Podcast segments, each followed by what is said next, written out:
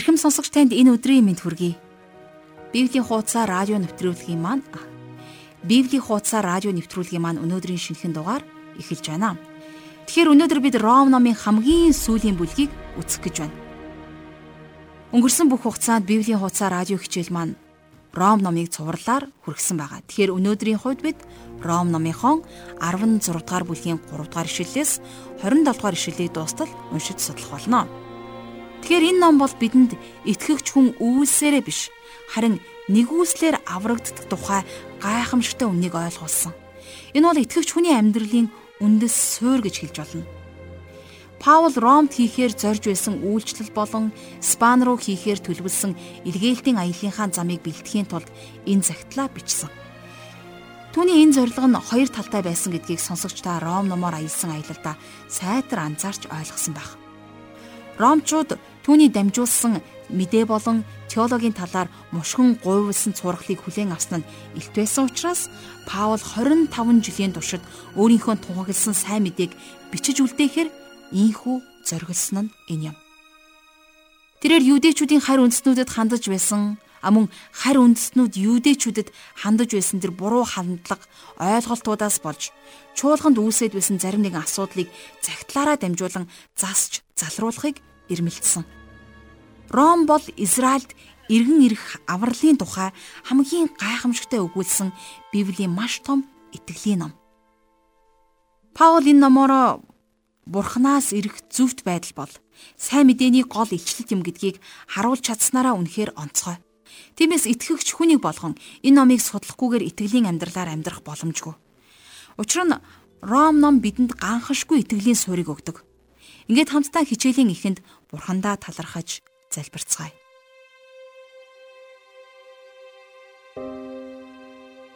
Энэ орчлонгийн хамгийн гайхамшигт зүйлсээс илүү эрхэмдээд Бурхан аав минь танд Ром номын төлөө талархаж байна.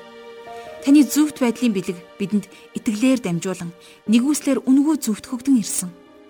Энэ эрхэм нандин бэлгээ хүн нэг болгонд өгтөө. Та өчүүхэн ч харамлаагүй. Үүний нэгэн адил танаас авсан энэ агуу хайр, инрэл илбэрлийн бэлгийг дэлхийн хүнийг болгонд ялангуяа элэг нэгт монголчуудаа хүргэхийг бид маш их хүсэж байна. Тиймээс эзэн минь ээ биднийг итгэлийнхээ сурыг бат хадгалахад та туслаарай. Таны хайртай хүүгийн нэрээр энэ хичээлийн цагийг танд өргөж залбирanгуйлаа. Амен. Яг одоо жаргалах шиг ярианд анхаарлаа хандуулцгаая. За тэгэхээр өмнөх дугаар дээр бид 16 дугаар бүлгийн эхний хоёр ишлэл Фойбе гэх чимэгтэйг Паул хэрхэн танилцуулсан тухай үзсэн. Харин өнөөдрийнхөө хичээлээр Паул нэлээд олон хүнд мэдчилгээ дэвшүүлж байна. Ингээд үргэлжлүүлээд 16 дугаар бүлгийнхээ 3-аас 4 дугаар ишлэлийг уншъя. Христ Есүс дор надтай хамтран зүтгэгч Приска Акул нарт минь хүргээрэй. Тэд миний амийн төлөө өөрсдийгөө үхлийн аюулд оруулсан билээ. Тэдэнд ганц би ч биш, мөн харийнхны бүх чуулган талархдаг билээ гэсэн байна. За эндээс харах юм бол энэ үед харь үндэстний сүмүүд бий болсон байсан. За ялангуяа Ромын сүм маш олон үндэстний хүмүүсээс бүрдэж байсан.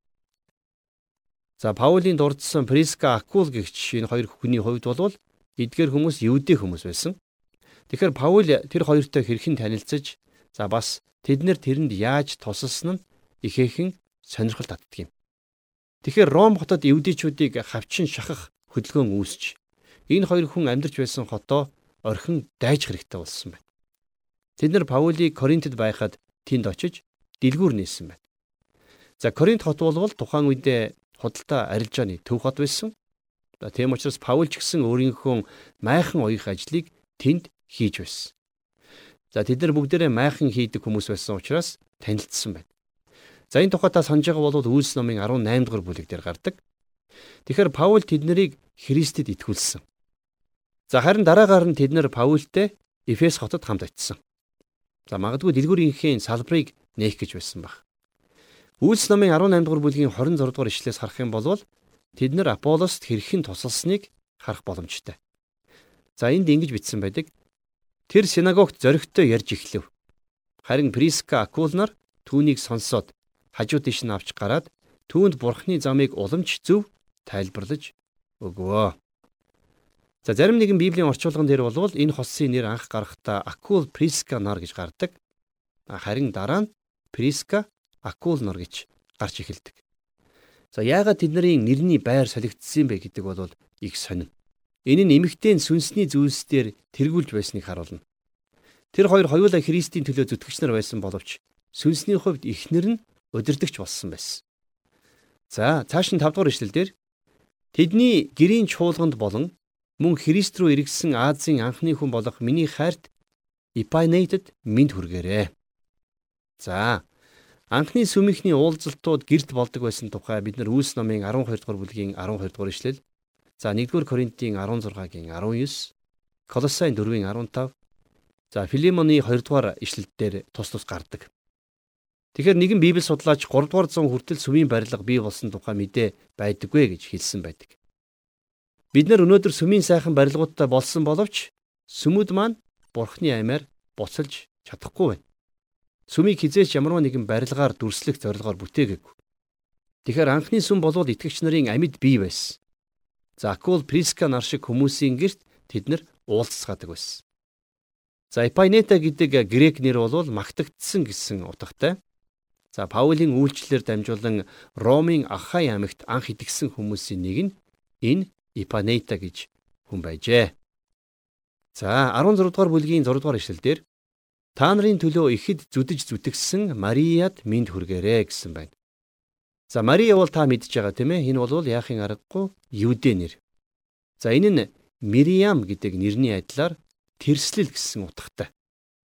За та нарын төлөө ихэд зүдэж зүтгсэн гэдэг нь ядарч туйлдлаа ажилласан үйлчилснийг нь хэлж байна. Тэрний амьдралд ямар их том өөрчлөлт гарав вэ? Тэр итгэхээс өмнө тэрслэгч байсан болвол одоо харин итгэгч ахын дүүс нарынхаа төлөө өөрийгөө зүтгэн үйлчилж байна, тийм ээ.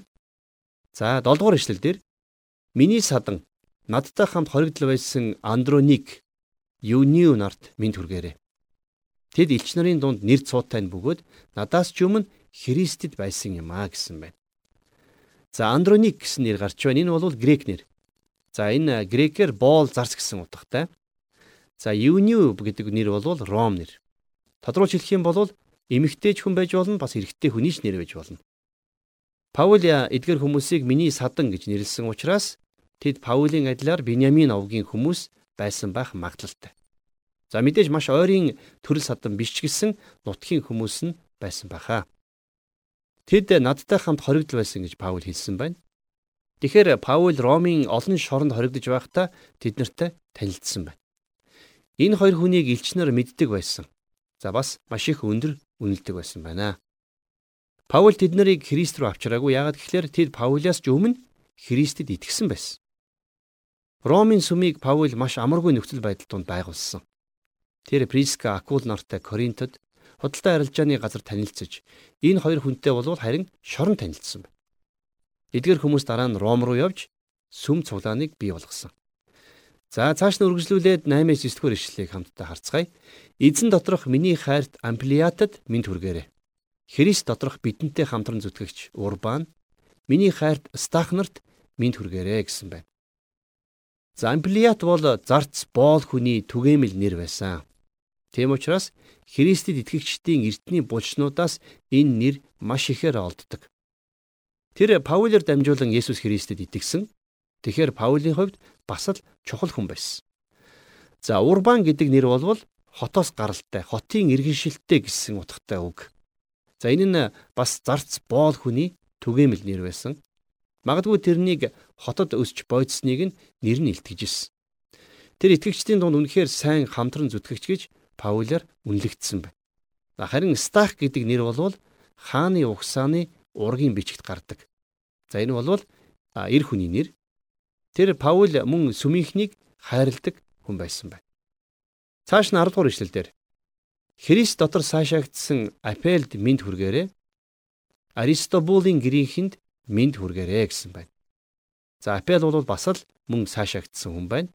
Тэрний нэр грек эсвэл еврей гаралтай байх боломжтой. А гэхдээ еврейчүүдийн тунд ийм нэр илүү түгээмэл байдаг л да. Тэр нэг чухал шалгуурыг давсан болол та тийм ээ. Тэрнийг Смирна эсвэл Херакли гихч хотын сүмийн тэргүүн байсан гэж түүхчид үздэг юм. За харин Аристобулыг их Херод хааны ач хүү байсан гэж хүмүүс үздэг. А гэхдээ тэр бас тухайн үеийн заншил ёсоор эзнийхээ нэрийг авсан боолнж байж болох магадлалтай. 11-р эшлэлдэр хид хідэн хүмүүс гарч байна. За хамтдаа уншийе. Миний садан Херодионд минь хүргээрээ. Эзэнд байгч Наркисын гэрийнхэнд бас минь хүргээрээ гэсэн байна. За Херодионыг Паул бас миний садан гэж дуудаж байгаа болохоор евдээ хүн байсан байна, тийм ээ. За энэ нэр Херодийн гэр бүлийг санагдуулж байгаа үз. Магадгүй тэр тэдний зарц байсан баг. Ягаад гэвэл энэ үед зарц нар эзнийхээ нэрээр нэрлэгддэг заншилтай байсан. За дараагийн хүн болох Наркис болвол Ромын Агриппийн хатан хаанаар цаазлуулсан, олонд алдаршсан, боолоос чөлөөлөгдсөн хүн байсан. Тэрний хувьд бас урд нь үйлчилж байсан эзнийхээ нэрийг авсан байх магадлалтай байна. 12 дугаар ишлэлдэр эзэн дотор зүдэн зүтгэгч Труфайна, Труфоса нарт минь түргээрээ эзэн дотор ихэд зүдэж зүтгсэн хайрт персист минь хүргээрээ гэсэн байна. Труфайна болон Труфоса гэдэг нэрнүүд нь маш уянгалаг сонсогддог нэрс байна. За энэ нь эмзэг, эрхэмсэг гэсэн утгатай нэрс. Магадгүй энэ хоёр эмэгтэй Христээр хамтдаа ирсэн эгч дүүс нар байсан байх. Тэд нар Илж Паулийн үйлчлэлийг санхүүгээр дэмждэг байсан ч гэж магадгүй. Паул тэднийг эзэн дотор ихэд зүдэж зүтгсэн Ромын сүмийн жинхэнэ зүтгэгч нар байсан гэсэн байгаа биз. За харин дараагаар нь хайрт Персис бол эзний төлөө ихэд зүтгэж байсан бас нэгэн эмэгтэй. Энэ бол бас л чөлөөлөгдсөн боолд өгөгдсөн нэр. За цааш нь 13 дугаар ишлэлдэр эзэн дотор сонгогдсон Руфт минь хүргээрээ. Надад ээж болсон түүний ээжэд бас минь хүргээрээ.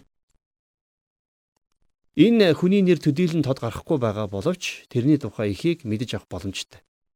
За тэрний өсний өнгийг хүртэл мэдрэх боломжтой. Яагаад гэвэл тэрний нэр улаан гэсэн утгатай. Тэр улаан шар өстэй байсан байх. А гэвч тэрнийг онцлох гол зүйл бол эзэн дотор сонгогдсон хүн байсан. Мэдээчээр энэ бүлэг дээр гарч байгаа олон хүн сонгогдсон хүмүүс байсан ч гэсэн энэ хүн нэг зүйлээрээ үнэхээр онцгой. За магадгүй тэрнийг эзний онцлсон хүн гэж нэрлэж болох байсан.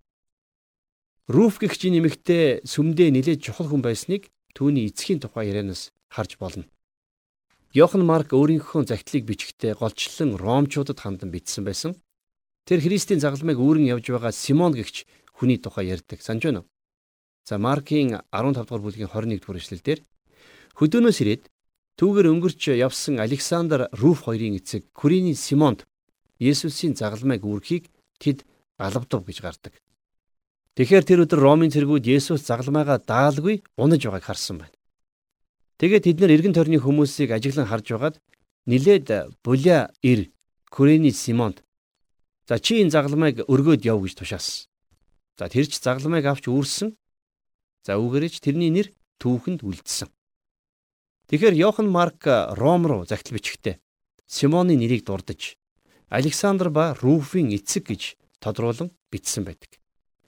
Тэгэхээр Руф сүмд шаргуу зүтгэж байсан учраас Ромын бүх итгэгч нар тэрнийг таньдаг байсан.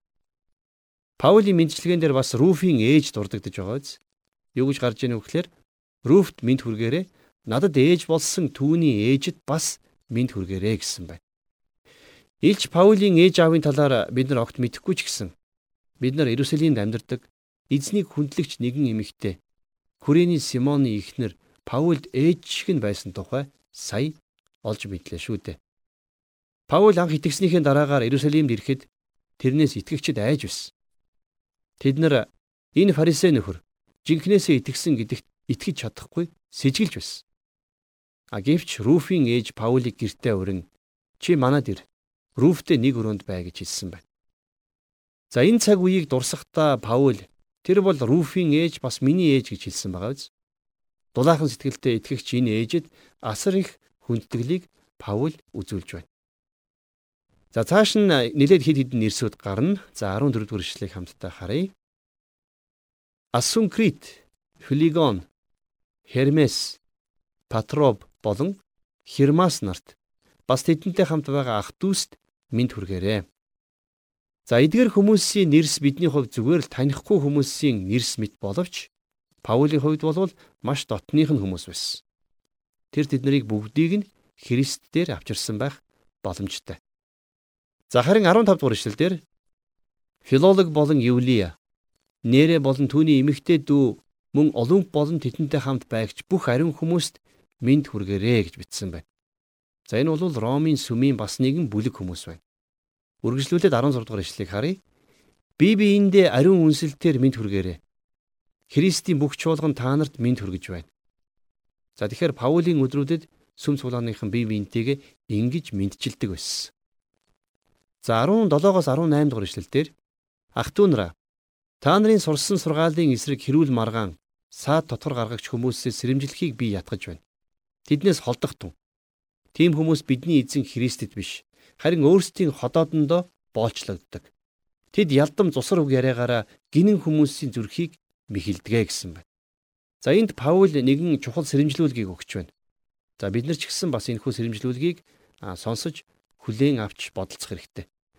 19 дэх эшлэлдэр та нарын дуулуураар бүгдэд дуулдсан юм. Тиймээс би та нарын талаар баярлдаг. Гэхдээ та нарыг сайнд мэрэгэн харин мууд гимгүү байгаасаа гэж би хүсэж байна гэсэн байна. За тэдний итгэл гаднаас ирсэн ч итгэл нь дуулууртай байдлаар харагддаг. Сайнд мэрэгэн гиснээрээ тэд нар бурхны үгэнд байнга сургагдах ёстойг захин хэлж байна. Харин мууд гимгүү гиснээрээ ямарваа нэгэн муу юмны холцгүй байгаарэ гэж хэлж байна гэсэн утгатай тийм ээ. За 20 дугаар ишлэлдэр амар амгалангийн бурхан та нарын хөл дор сатаныг удахгүй няцалнаа. Бидний эзэн Есүсийн нэгүүлсэл та нартай хамт байх болтугай. За тэгэхээр амар амгалангийн бурхан сатаныг удахгүй дарах болно. За харин тэр цаг хүртэл бид нар адгийн морийн сүнсийг эсэргүүцэж сонор сэрэмжтэй амьдрах ёстой. Паул одоо ромчуудад энэхүү загтлыг бичиж байх үед өөртөө хамт байсан хүмүүсээс мэдчилгээ дэвшүүлж байна. Хамтдаа 21 дугаар ишлэгийг харъя. Надтай хамтран зүтгэгч Тимот мөн түүний садан болох Луки, Яасан болон Сосипатр нар та нарт мэд хүргэж байна гэсэн байна. За эдгээр хүмүүс бүгдээрээ Паулийн анд нөхөр хамтран зүтгэгч нар байсан. Тэд нэр Ром хотын итгэгч ахын дүүс нартаа мэд хүргэж байна. 22 дугаар ишлэлдэр Энэхүү захиаг бичиж буй Терт би та нарт эзэн дотор минд хүргэе. За тэгэхээр эндээс харах юм бол Паул захиа бичгтэн тусалдаг Терт гэж хүн байсан байна, тийм ээ. Тэгэхээр Паул зөвхөн Галаатчуудын загтлыг өөрийн гараар бичсэн юм. 23 дугаар ишлэгийг харъя. Намайг болон бүх чуулганыг зочлогч гэрийн эзэн Гай та нарт минд хүргэж байна. Хотын сан хөмөргийн ярав Яраст дүү Кварт нар та нарт минд хүргэж байна. За эндээс харах юм бол Паул Гай гэгч хүний герт байрлаж за Гай бас тэднэрт минд дамжуулсан байна. 24 дугаар эшлэлдэр Бидний эзэн Есүс Христийн нэгүүлсэл та бүгдтэй хамт байх болтугай. Амен гэсэн байна. Үргэлжлүүлээд 25 дугаар эшлэлдэр Бурхан сайн мэдээг болон Есүс Христийг тунхагласнаар минь дамжуулан өн эртний турш нууцлагдж байсан нууцын ичлэлээр уламжлан та нарыг батвих болгоно. За нууц гэсэн энэ үг бол хуучин гэрээнд илчлэгдээгүй тэдгэр зүйлсийг хэлж байгаа юм. Энэ одоогор бурхан харь үндэстэн болон Израильчуудыг нэгэн бий болгон барин босгож байгаа тэрхүү үеийг хэлж байна. 26 дугаар эшлэлдэр тэр нууц нь идүгэ илэрхий болж мөнх бурхны тушаалын дагуу иш үзүүлэгчдийн бичвэрүүдээр дамжин бүхий л харийнханд мэдэгдэж тэд итгэн дуулууртай дагах болсон гэсэн байна. За энд итгэлийн дуулууртай байдлын тухай гарч байна. Тэгэхээр та Христэд үнэхээр итгэдэг бол Христийн үгийг дагна гэсэн үг. Есүс өөрөө хэлэхдээ миний хонин сүрэг дуугмын сонсдгоо. Би тэднийг мэддэг бөгөөд тэд намайг дагдаг юмаа гэж хэлснийг нь Иохны 10 дугаар бүлгийн 27 дугаар ишлэлээс харах боломжтой. Тэгэхээр дуулууртай байдал гэдэг бол итгэлийн үйл хэрэг үр жимс байх нь. Нэгэн эзний хүний тухай дуу байдаг. За энэ дууны үгийг сэрүүлэх юм бол бид эзэнтэй хамт түүний үгийн гэрэл дотор алхахад тэр бидний замд алдрын туяагаа тусгана. Бид түүний хүслийг биелүүлэхэд тэр бидэнтэй хамт байж түүнд итгэж найдаж дагах хүн бүртээ бурхан хамт байдаг. Тэгвэл бид бурханы үлмийд сууж бурхантай нөхөрлөнө. Бид бурханы хажууд алхна. Бид бурханы хийснийг хийн бид Бурхны илгээсэн газарт явна. Бид хизээч айхгүй. Зөвхөн итгэж найдан зөвхөн түүнийг л дагна. Итгэж дагахаас өөр замгүй. Христийн дотор аз жаргалыг амтлах нь итгэн дагахад оршдог юм а гэсэн дуу байна. Ингээд Ром номынхон хамгийн сүүлчийн бүлгийн хамгийн сүүлчийн ишлэлийг одоо хамтдаа уншийе. Цорын ганц мэрэгэн бурханд Есүс Христээр алдарна үрд мөнх байх болтугай. Амен. За тэгэхээр та бид нар өнөөдөр Библийн хамгийн гайхалтай номнуудын нэг болох за бас итгэгч хүний амьдралын гарын авлага болсон Ром хотынд бичсэн захидлыг буюу Ром номыг үзэж дууслаа. Есүс Христэд итгэгч хүний амьдрал сүнсний эрх чөлөө зөвхт байдал амар тайван баяр хөөрийн дотор байдаг. Бид нар ямарваа нэгэн хууль юм уу эсвэл шашнаар биш. Харин амьд эзний сүнсээр амьдардаг хүмүүс. За тийм учраас та яг энэ мөчид Бурхны сүнстэй нөхөрлөж түүгээр дүүрэн түүгээр бүх амьдралаа удирдуулаарай гэж хүсэн өрөөж байна. Ингээд дараа дараагийн хичээлээр эргээд уулзцгаая.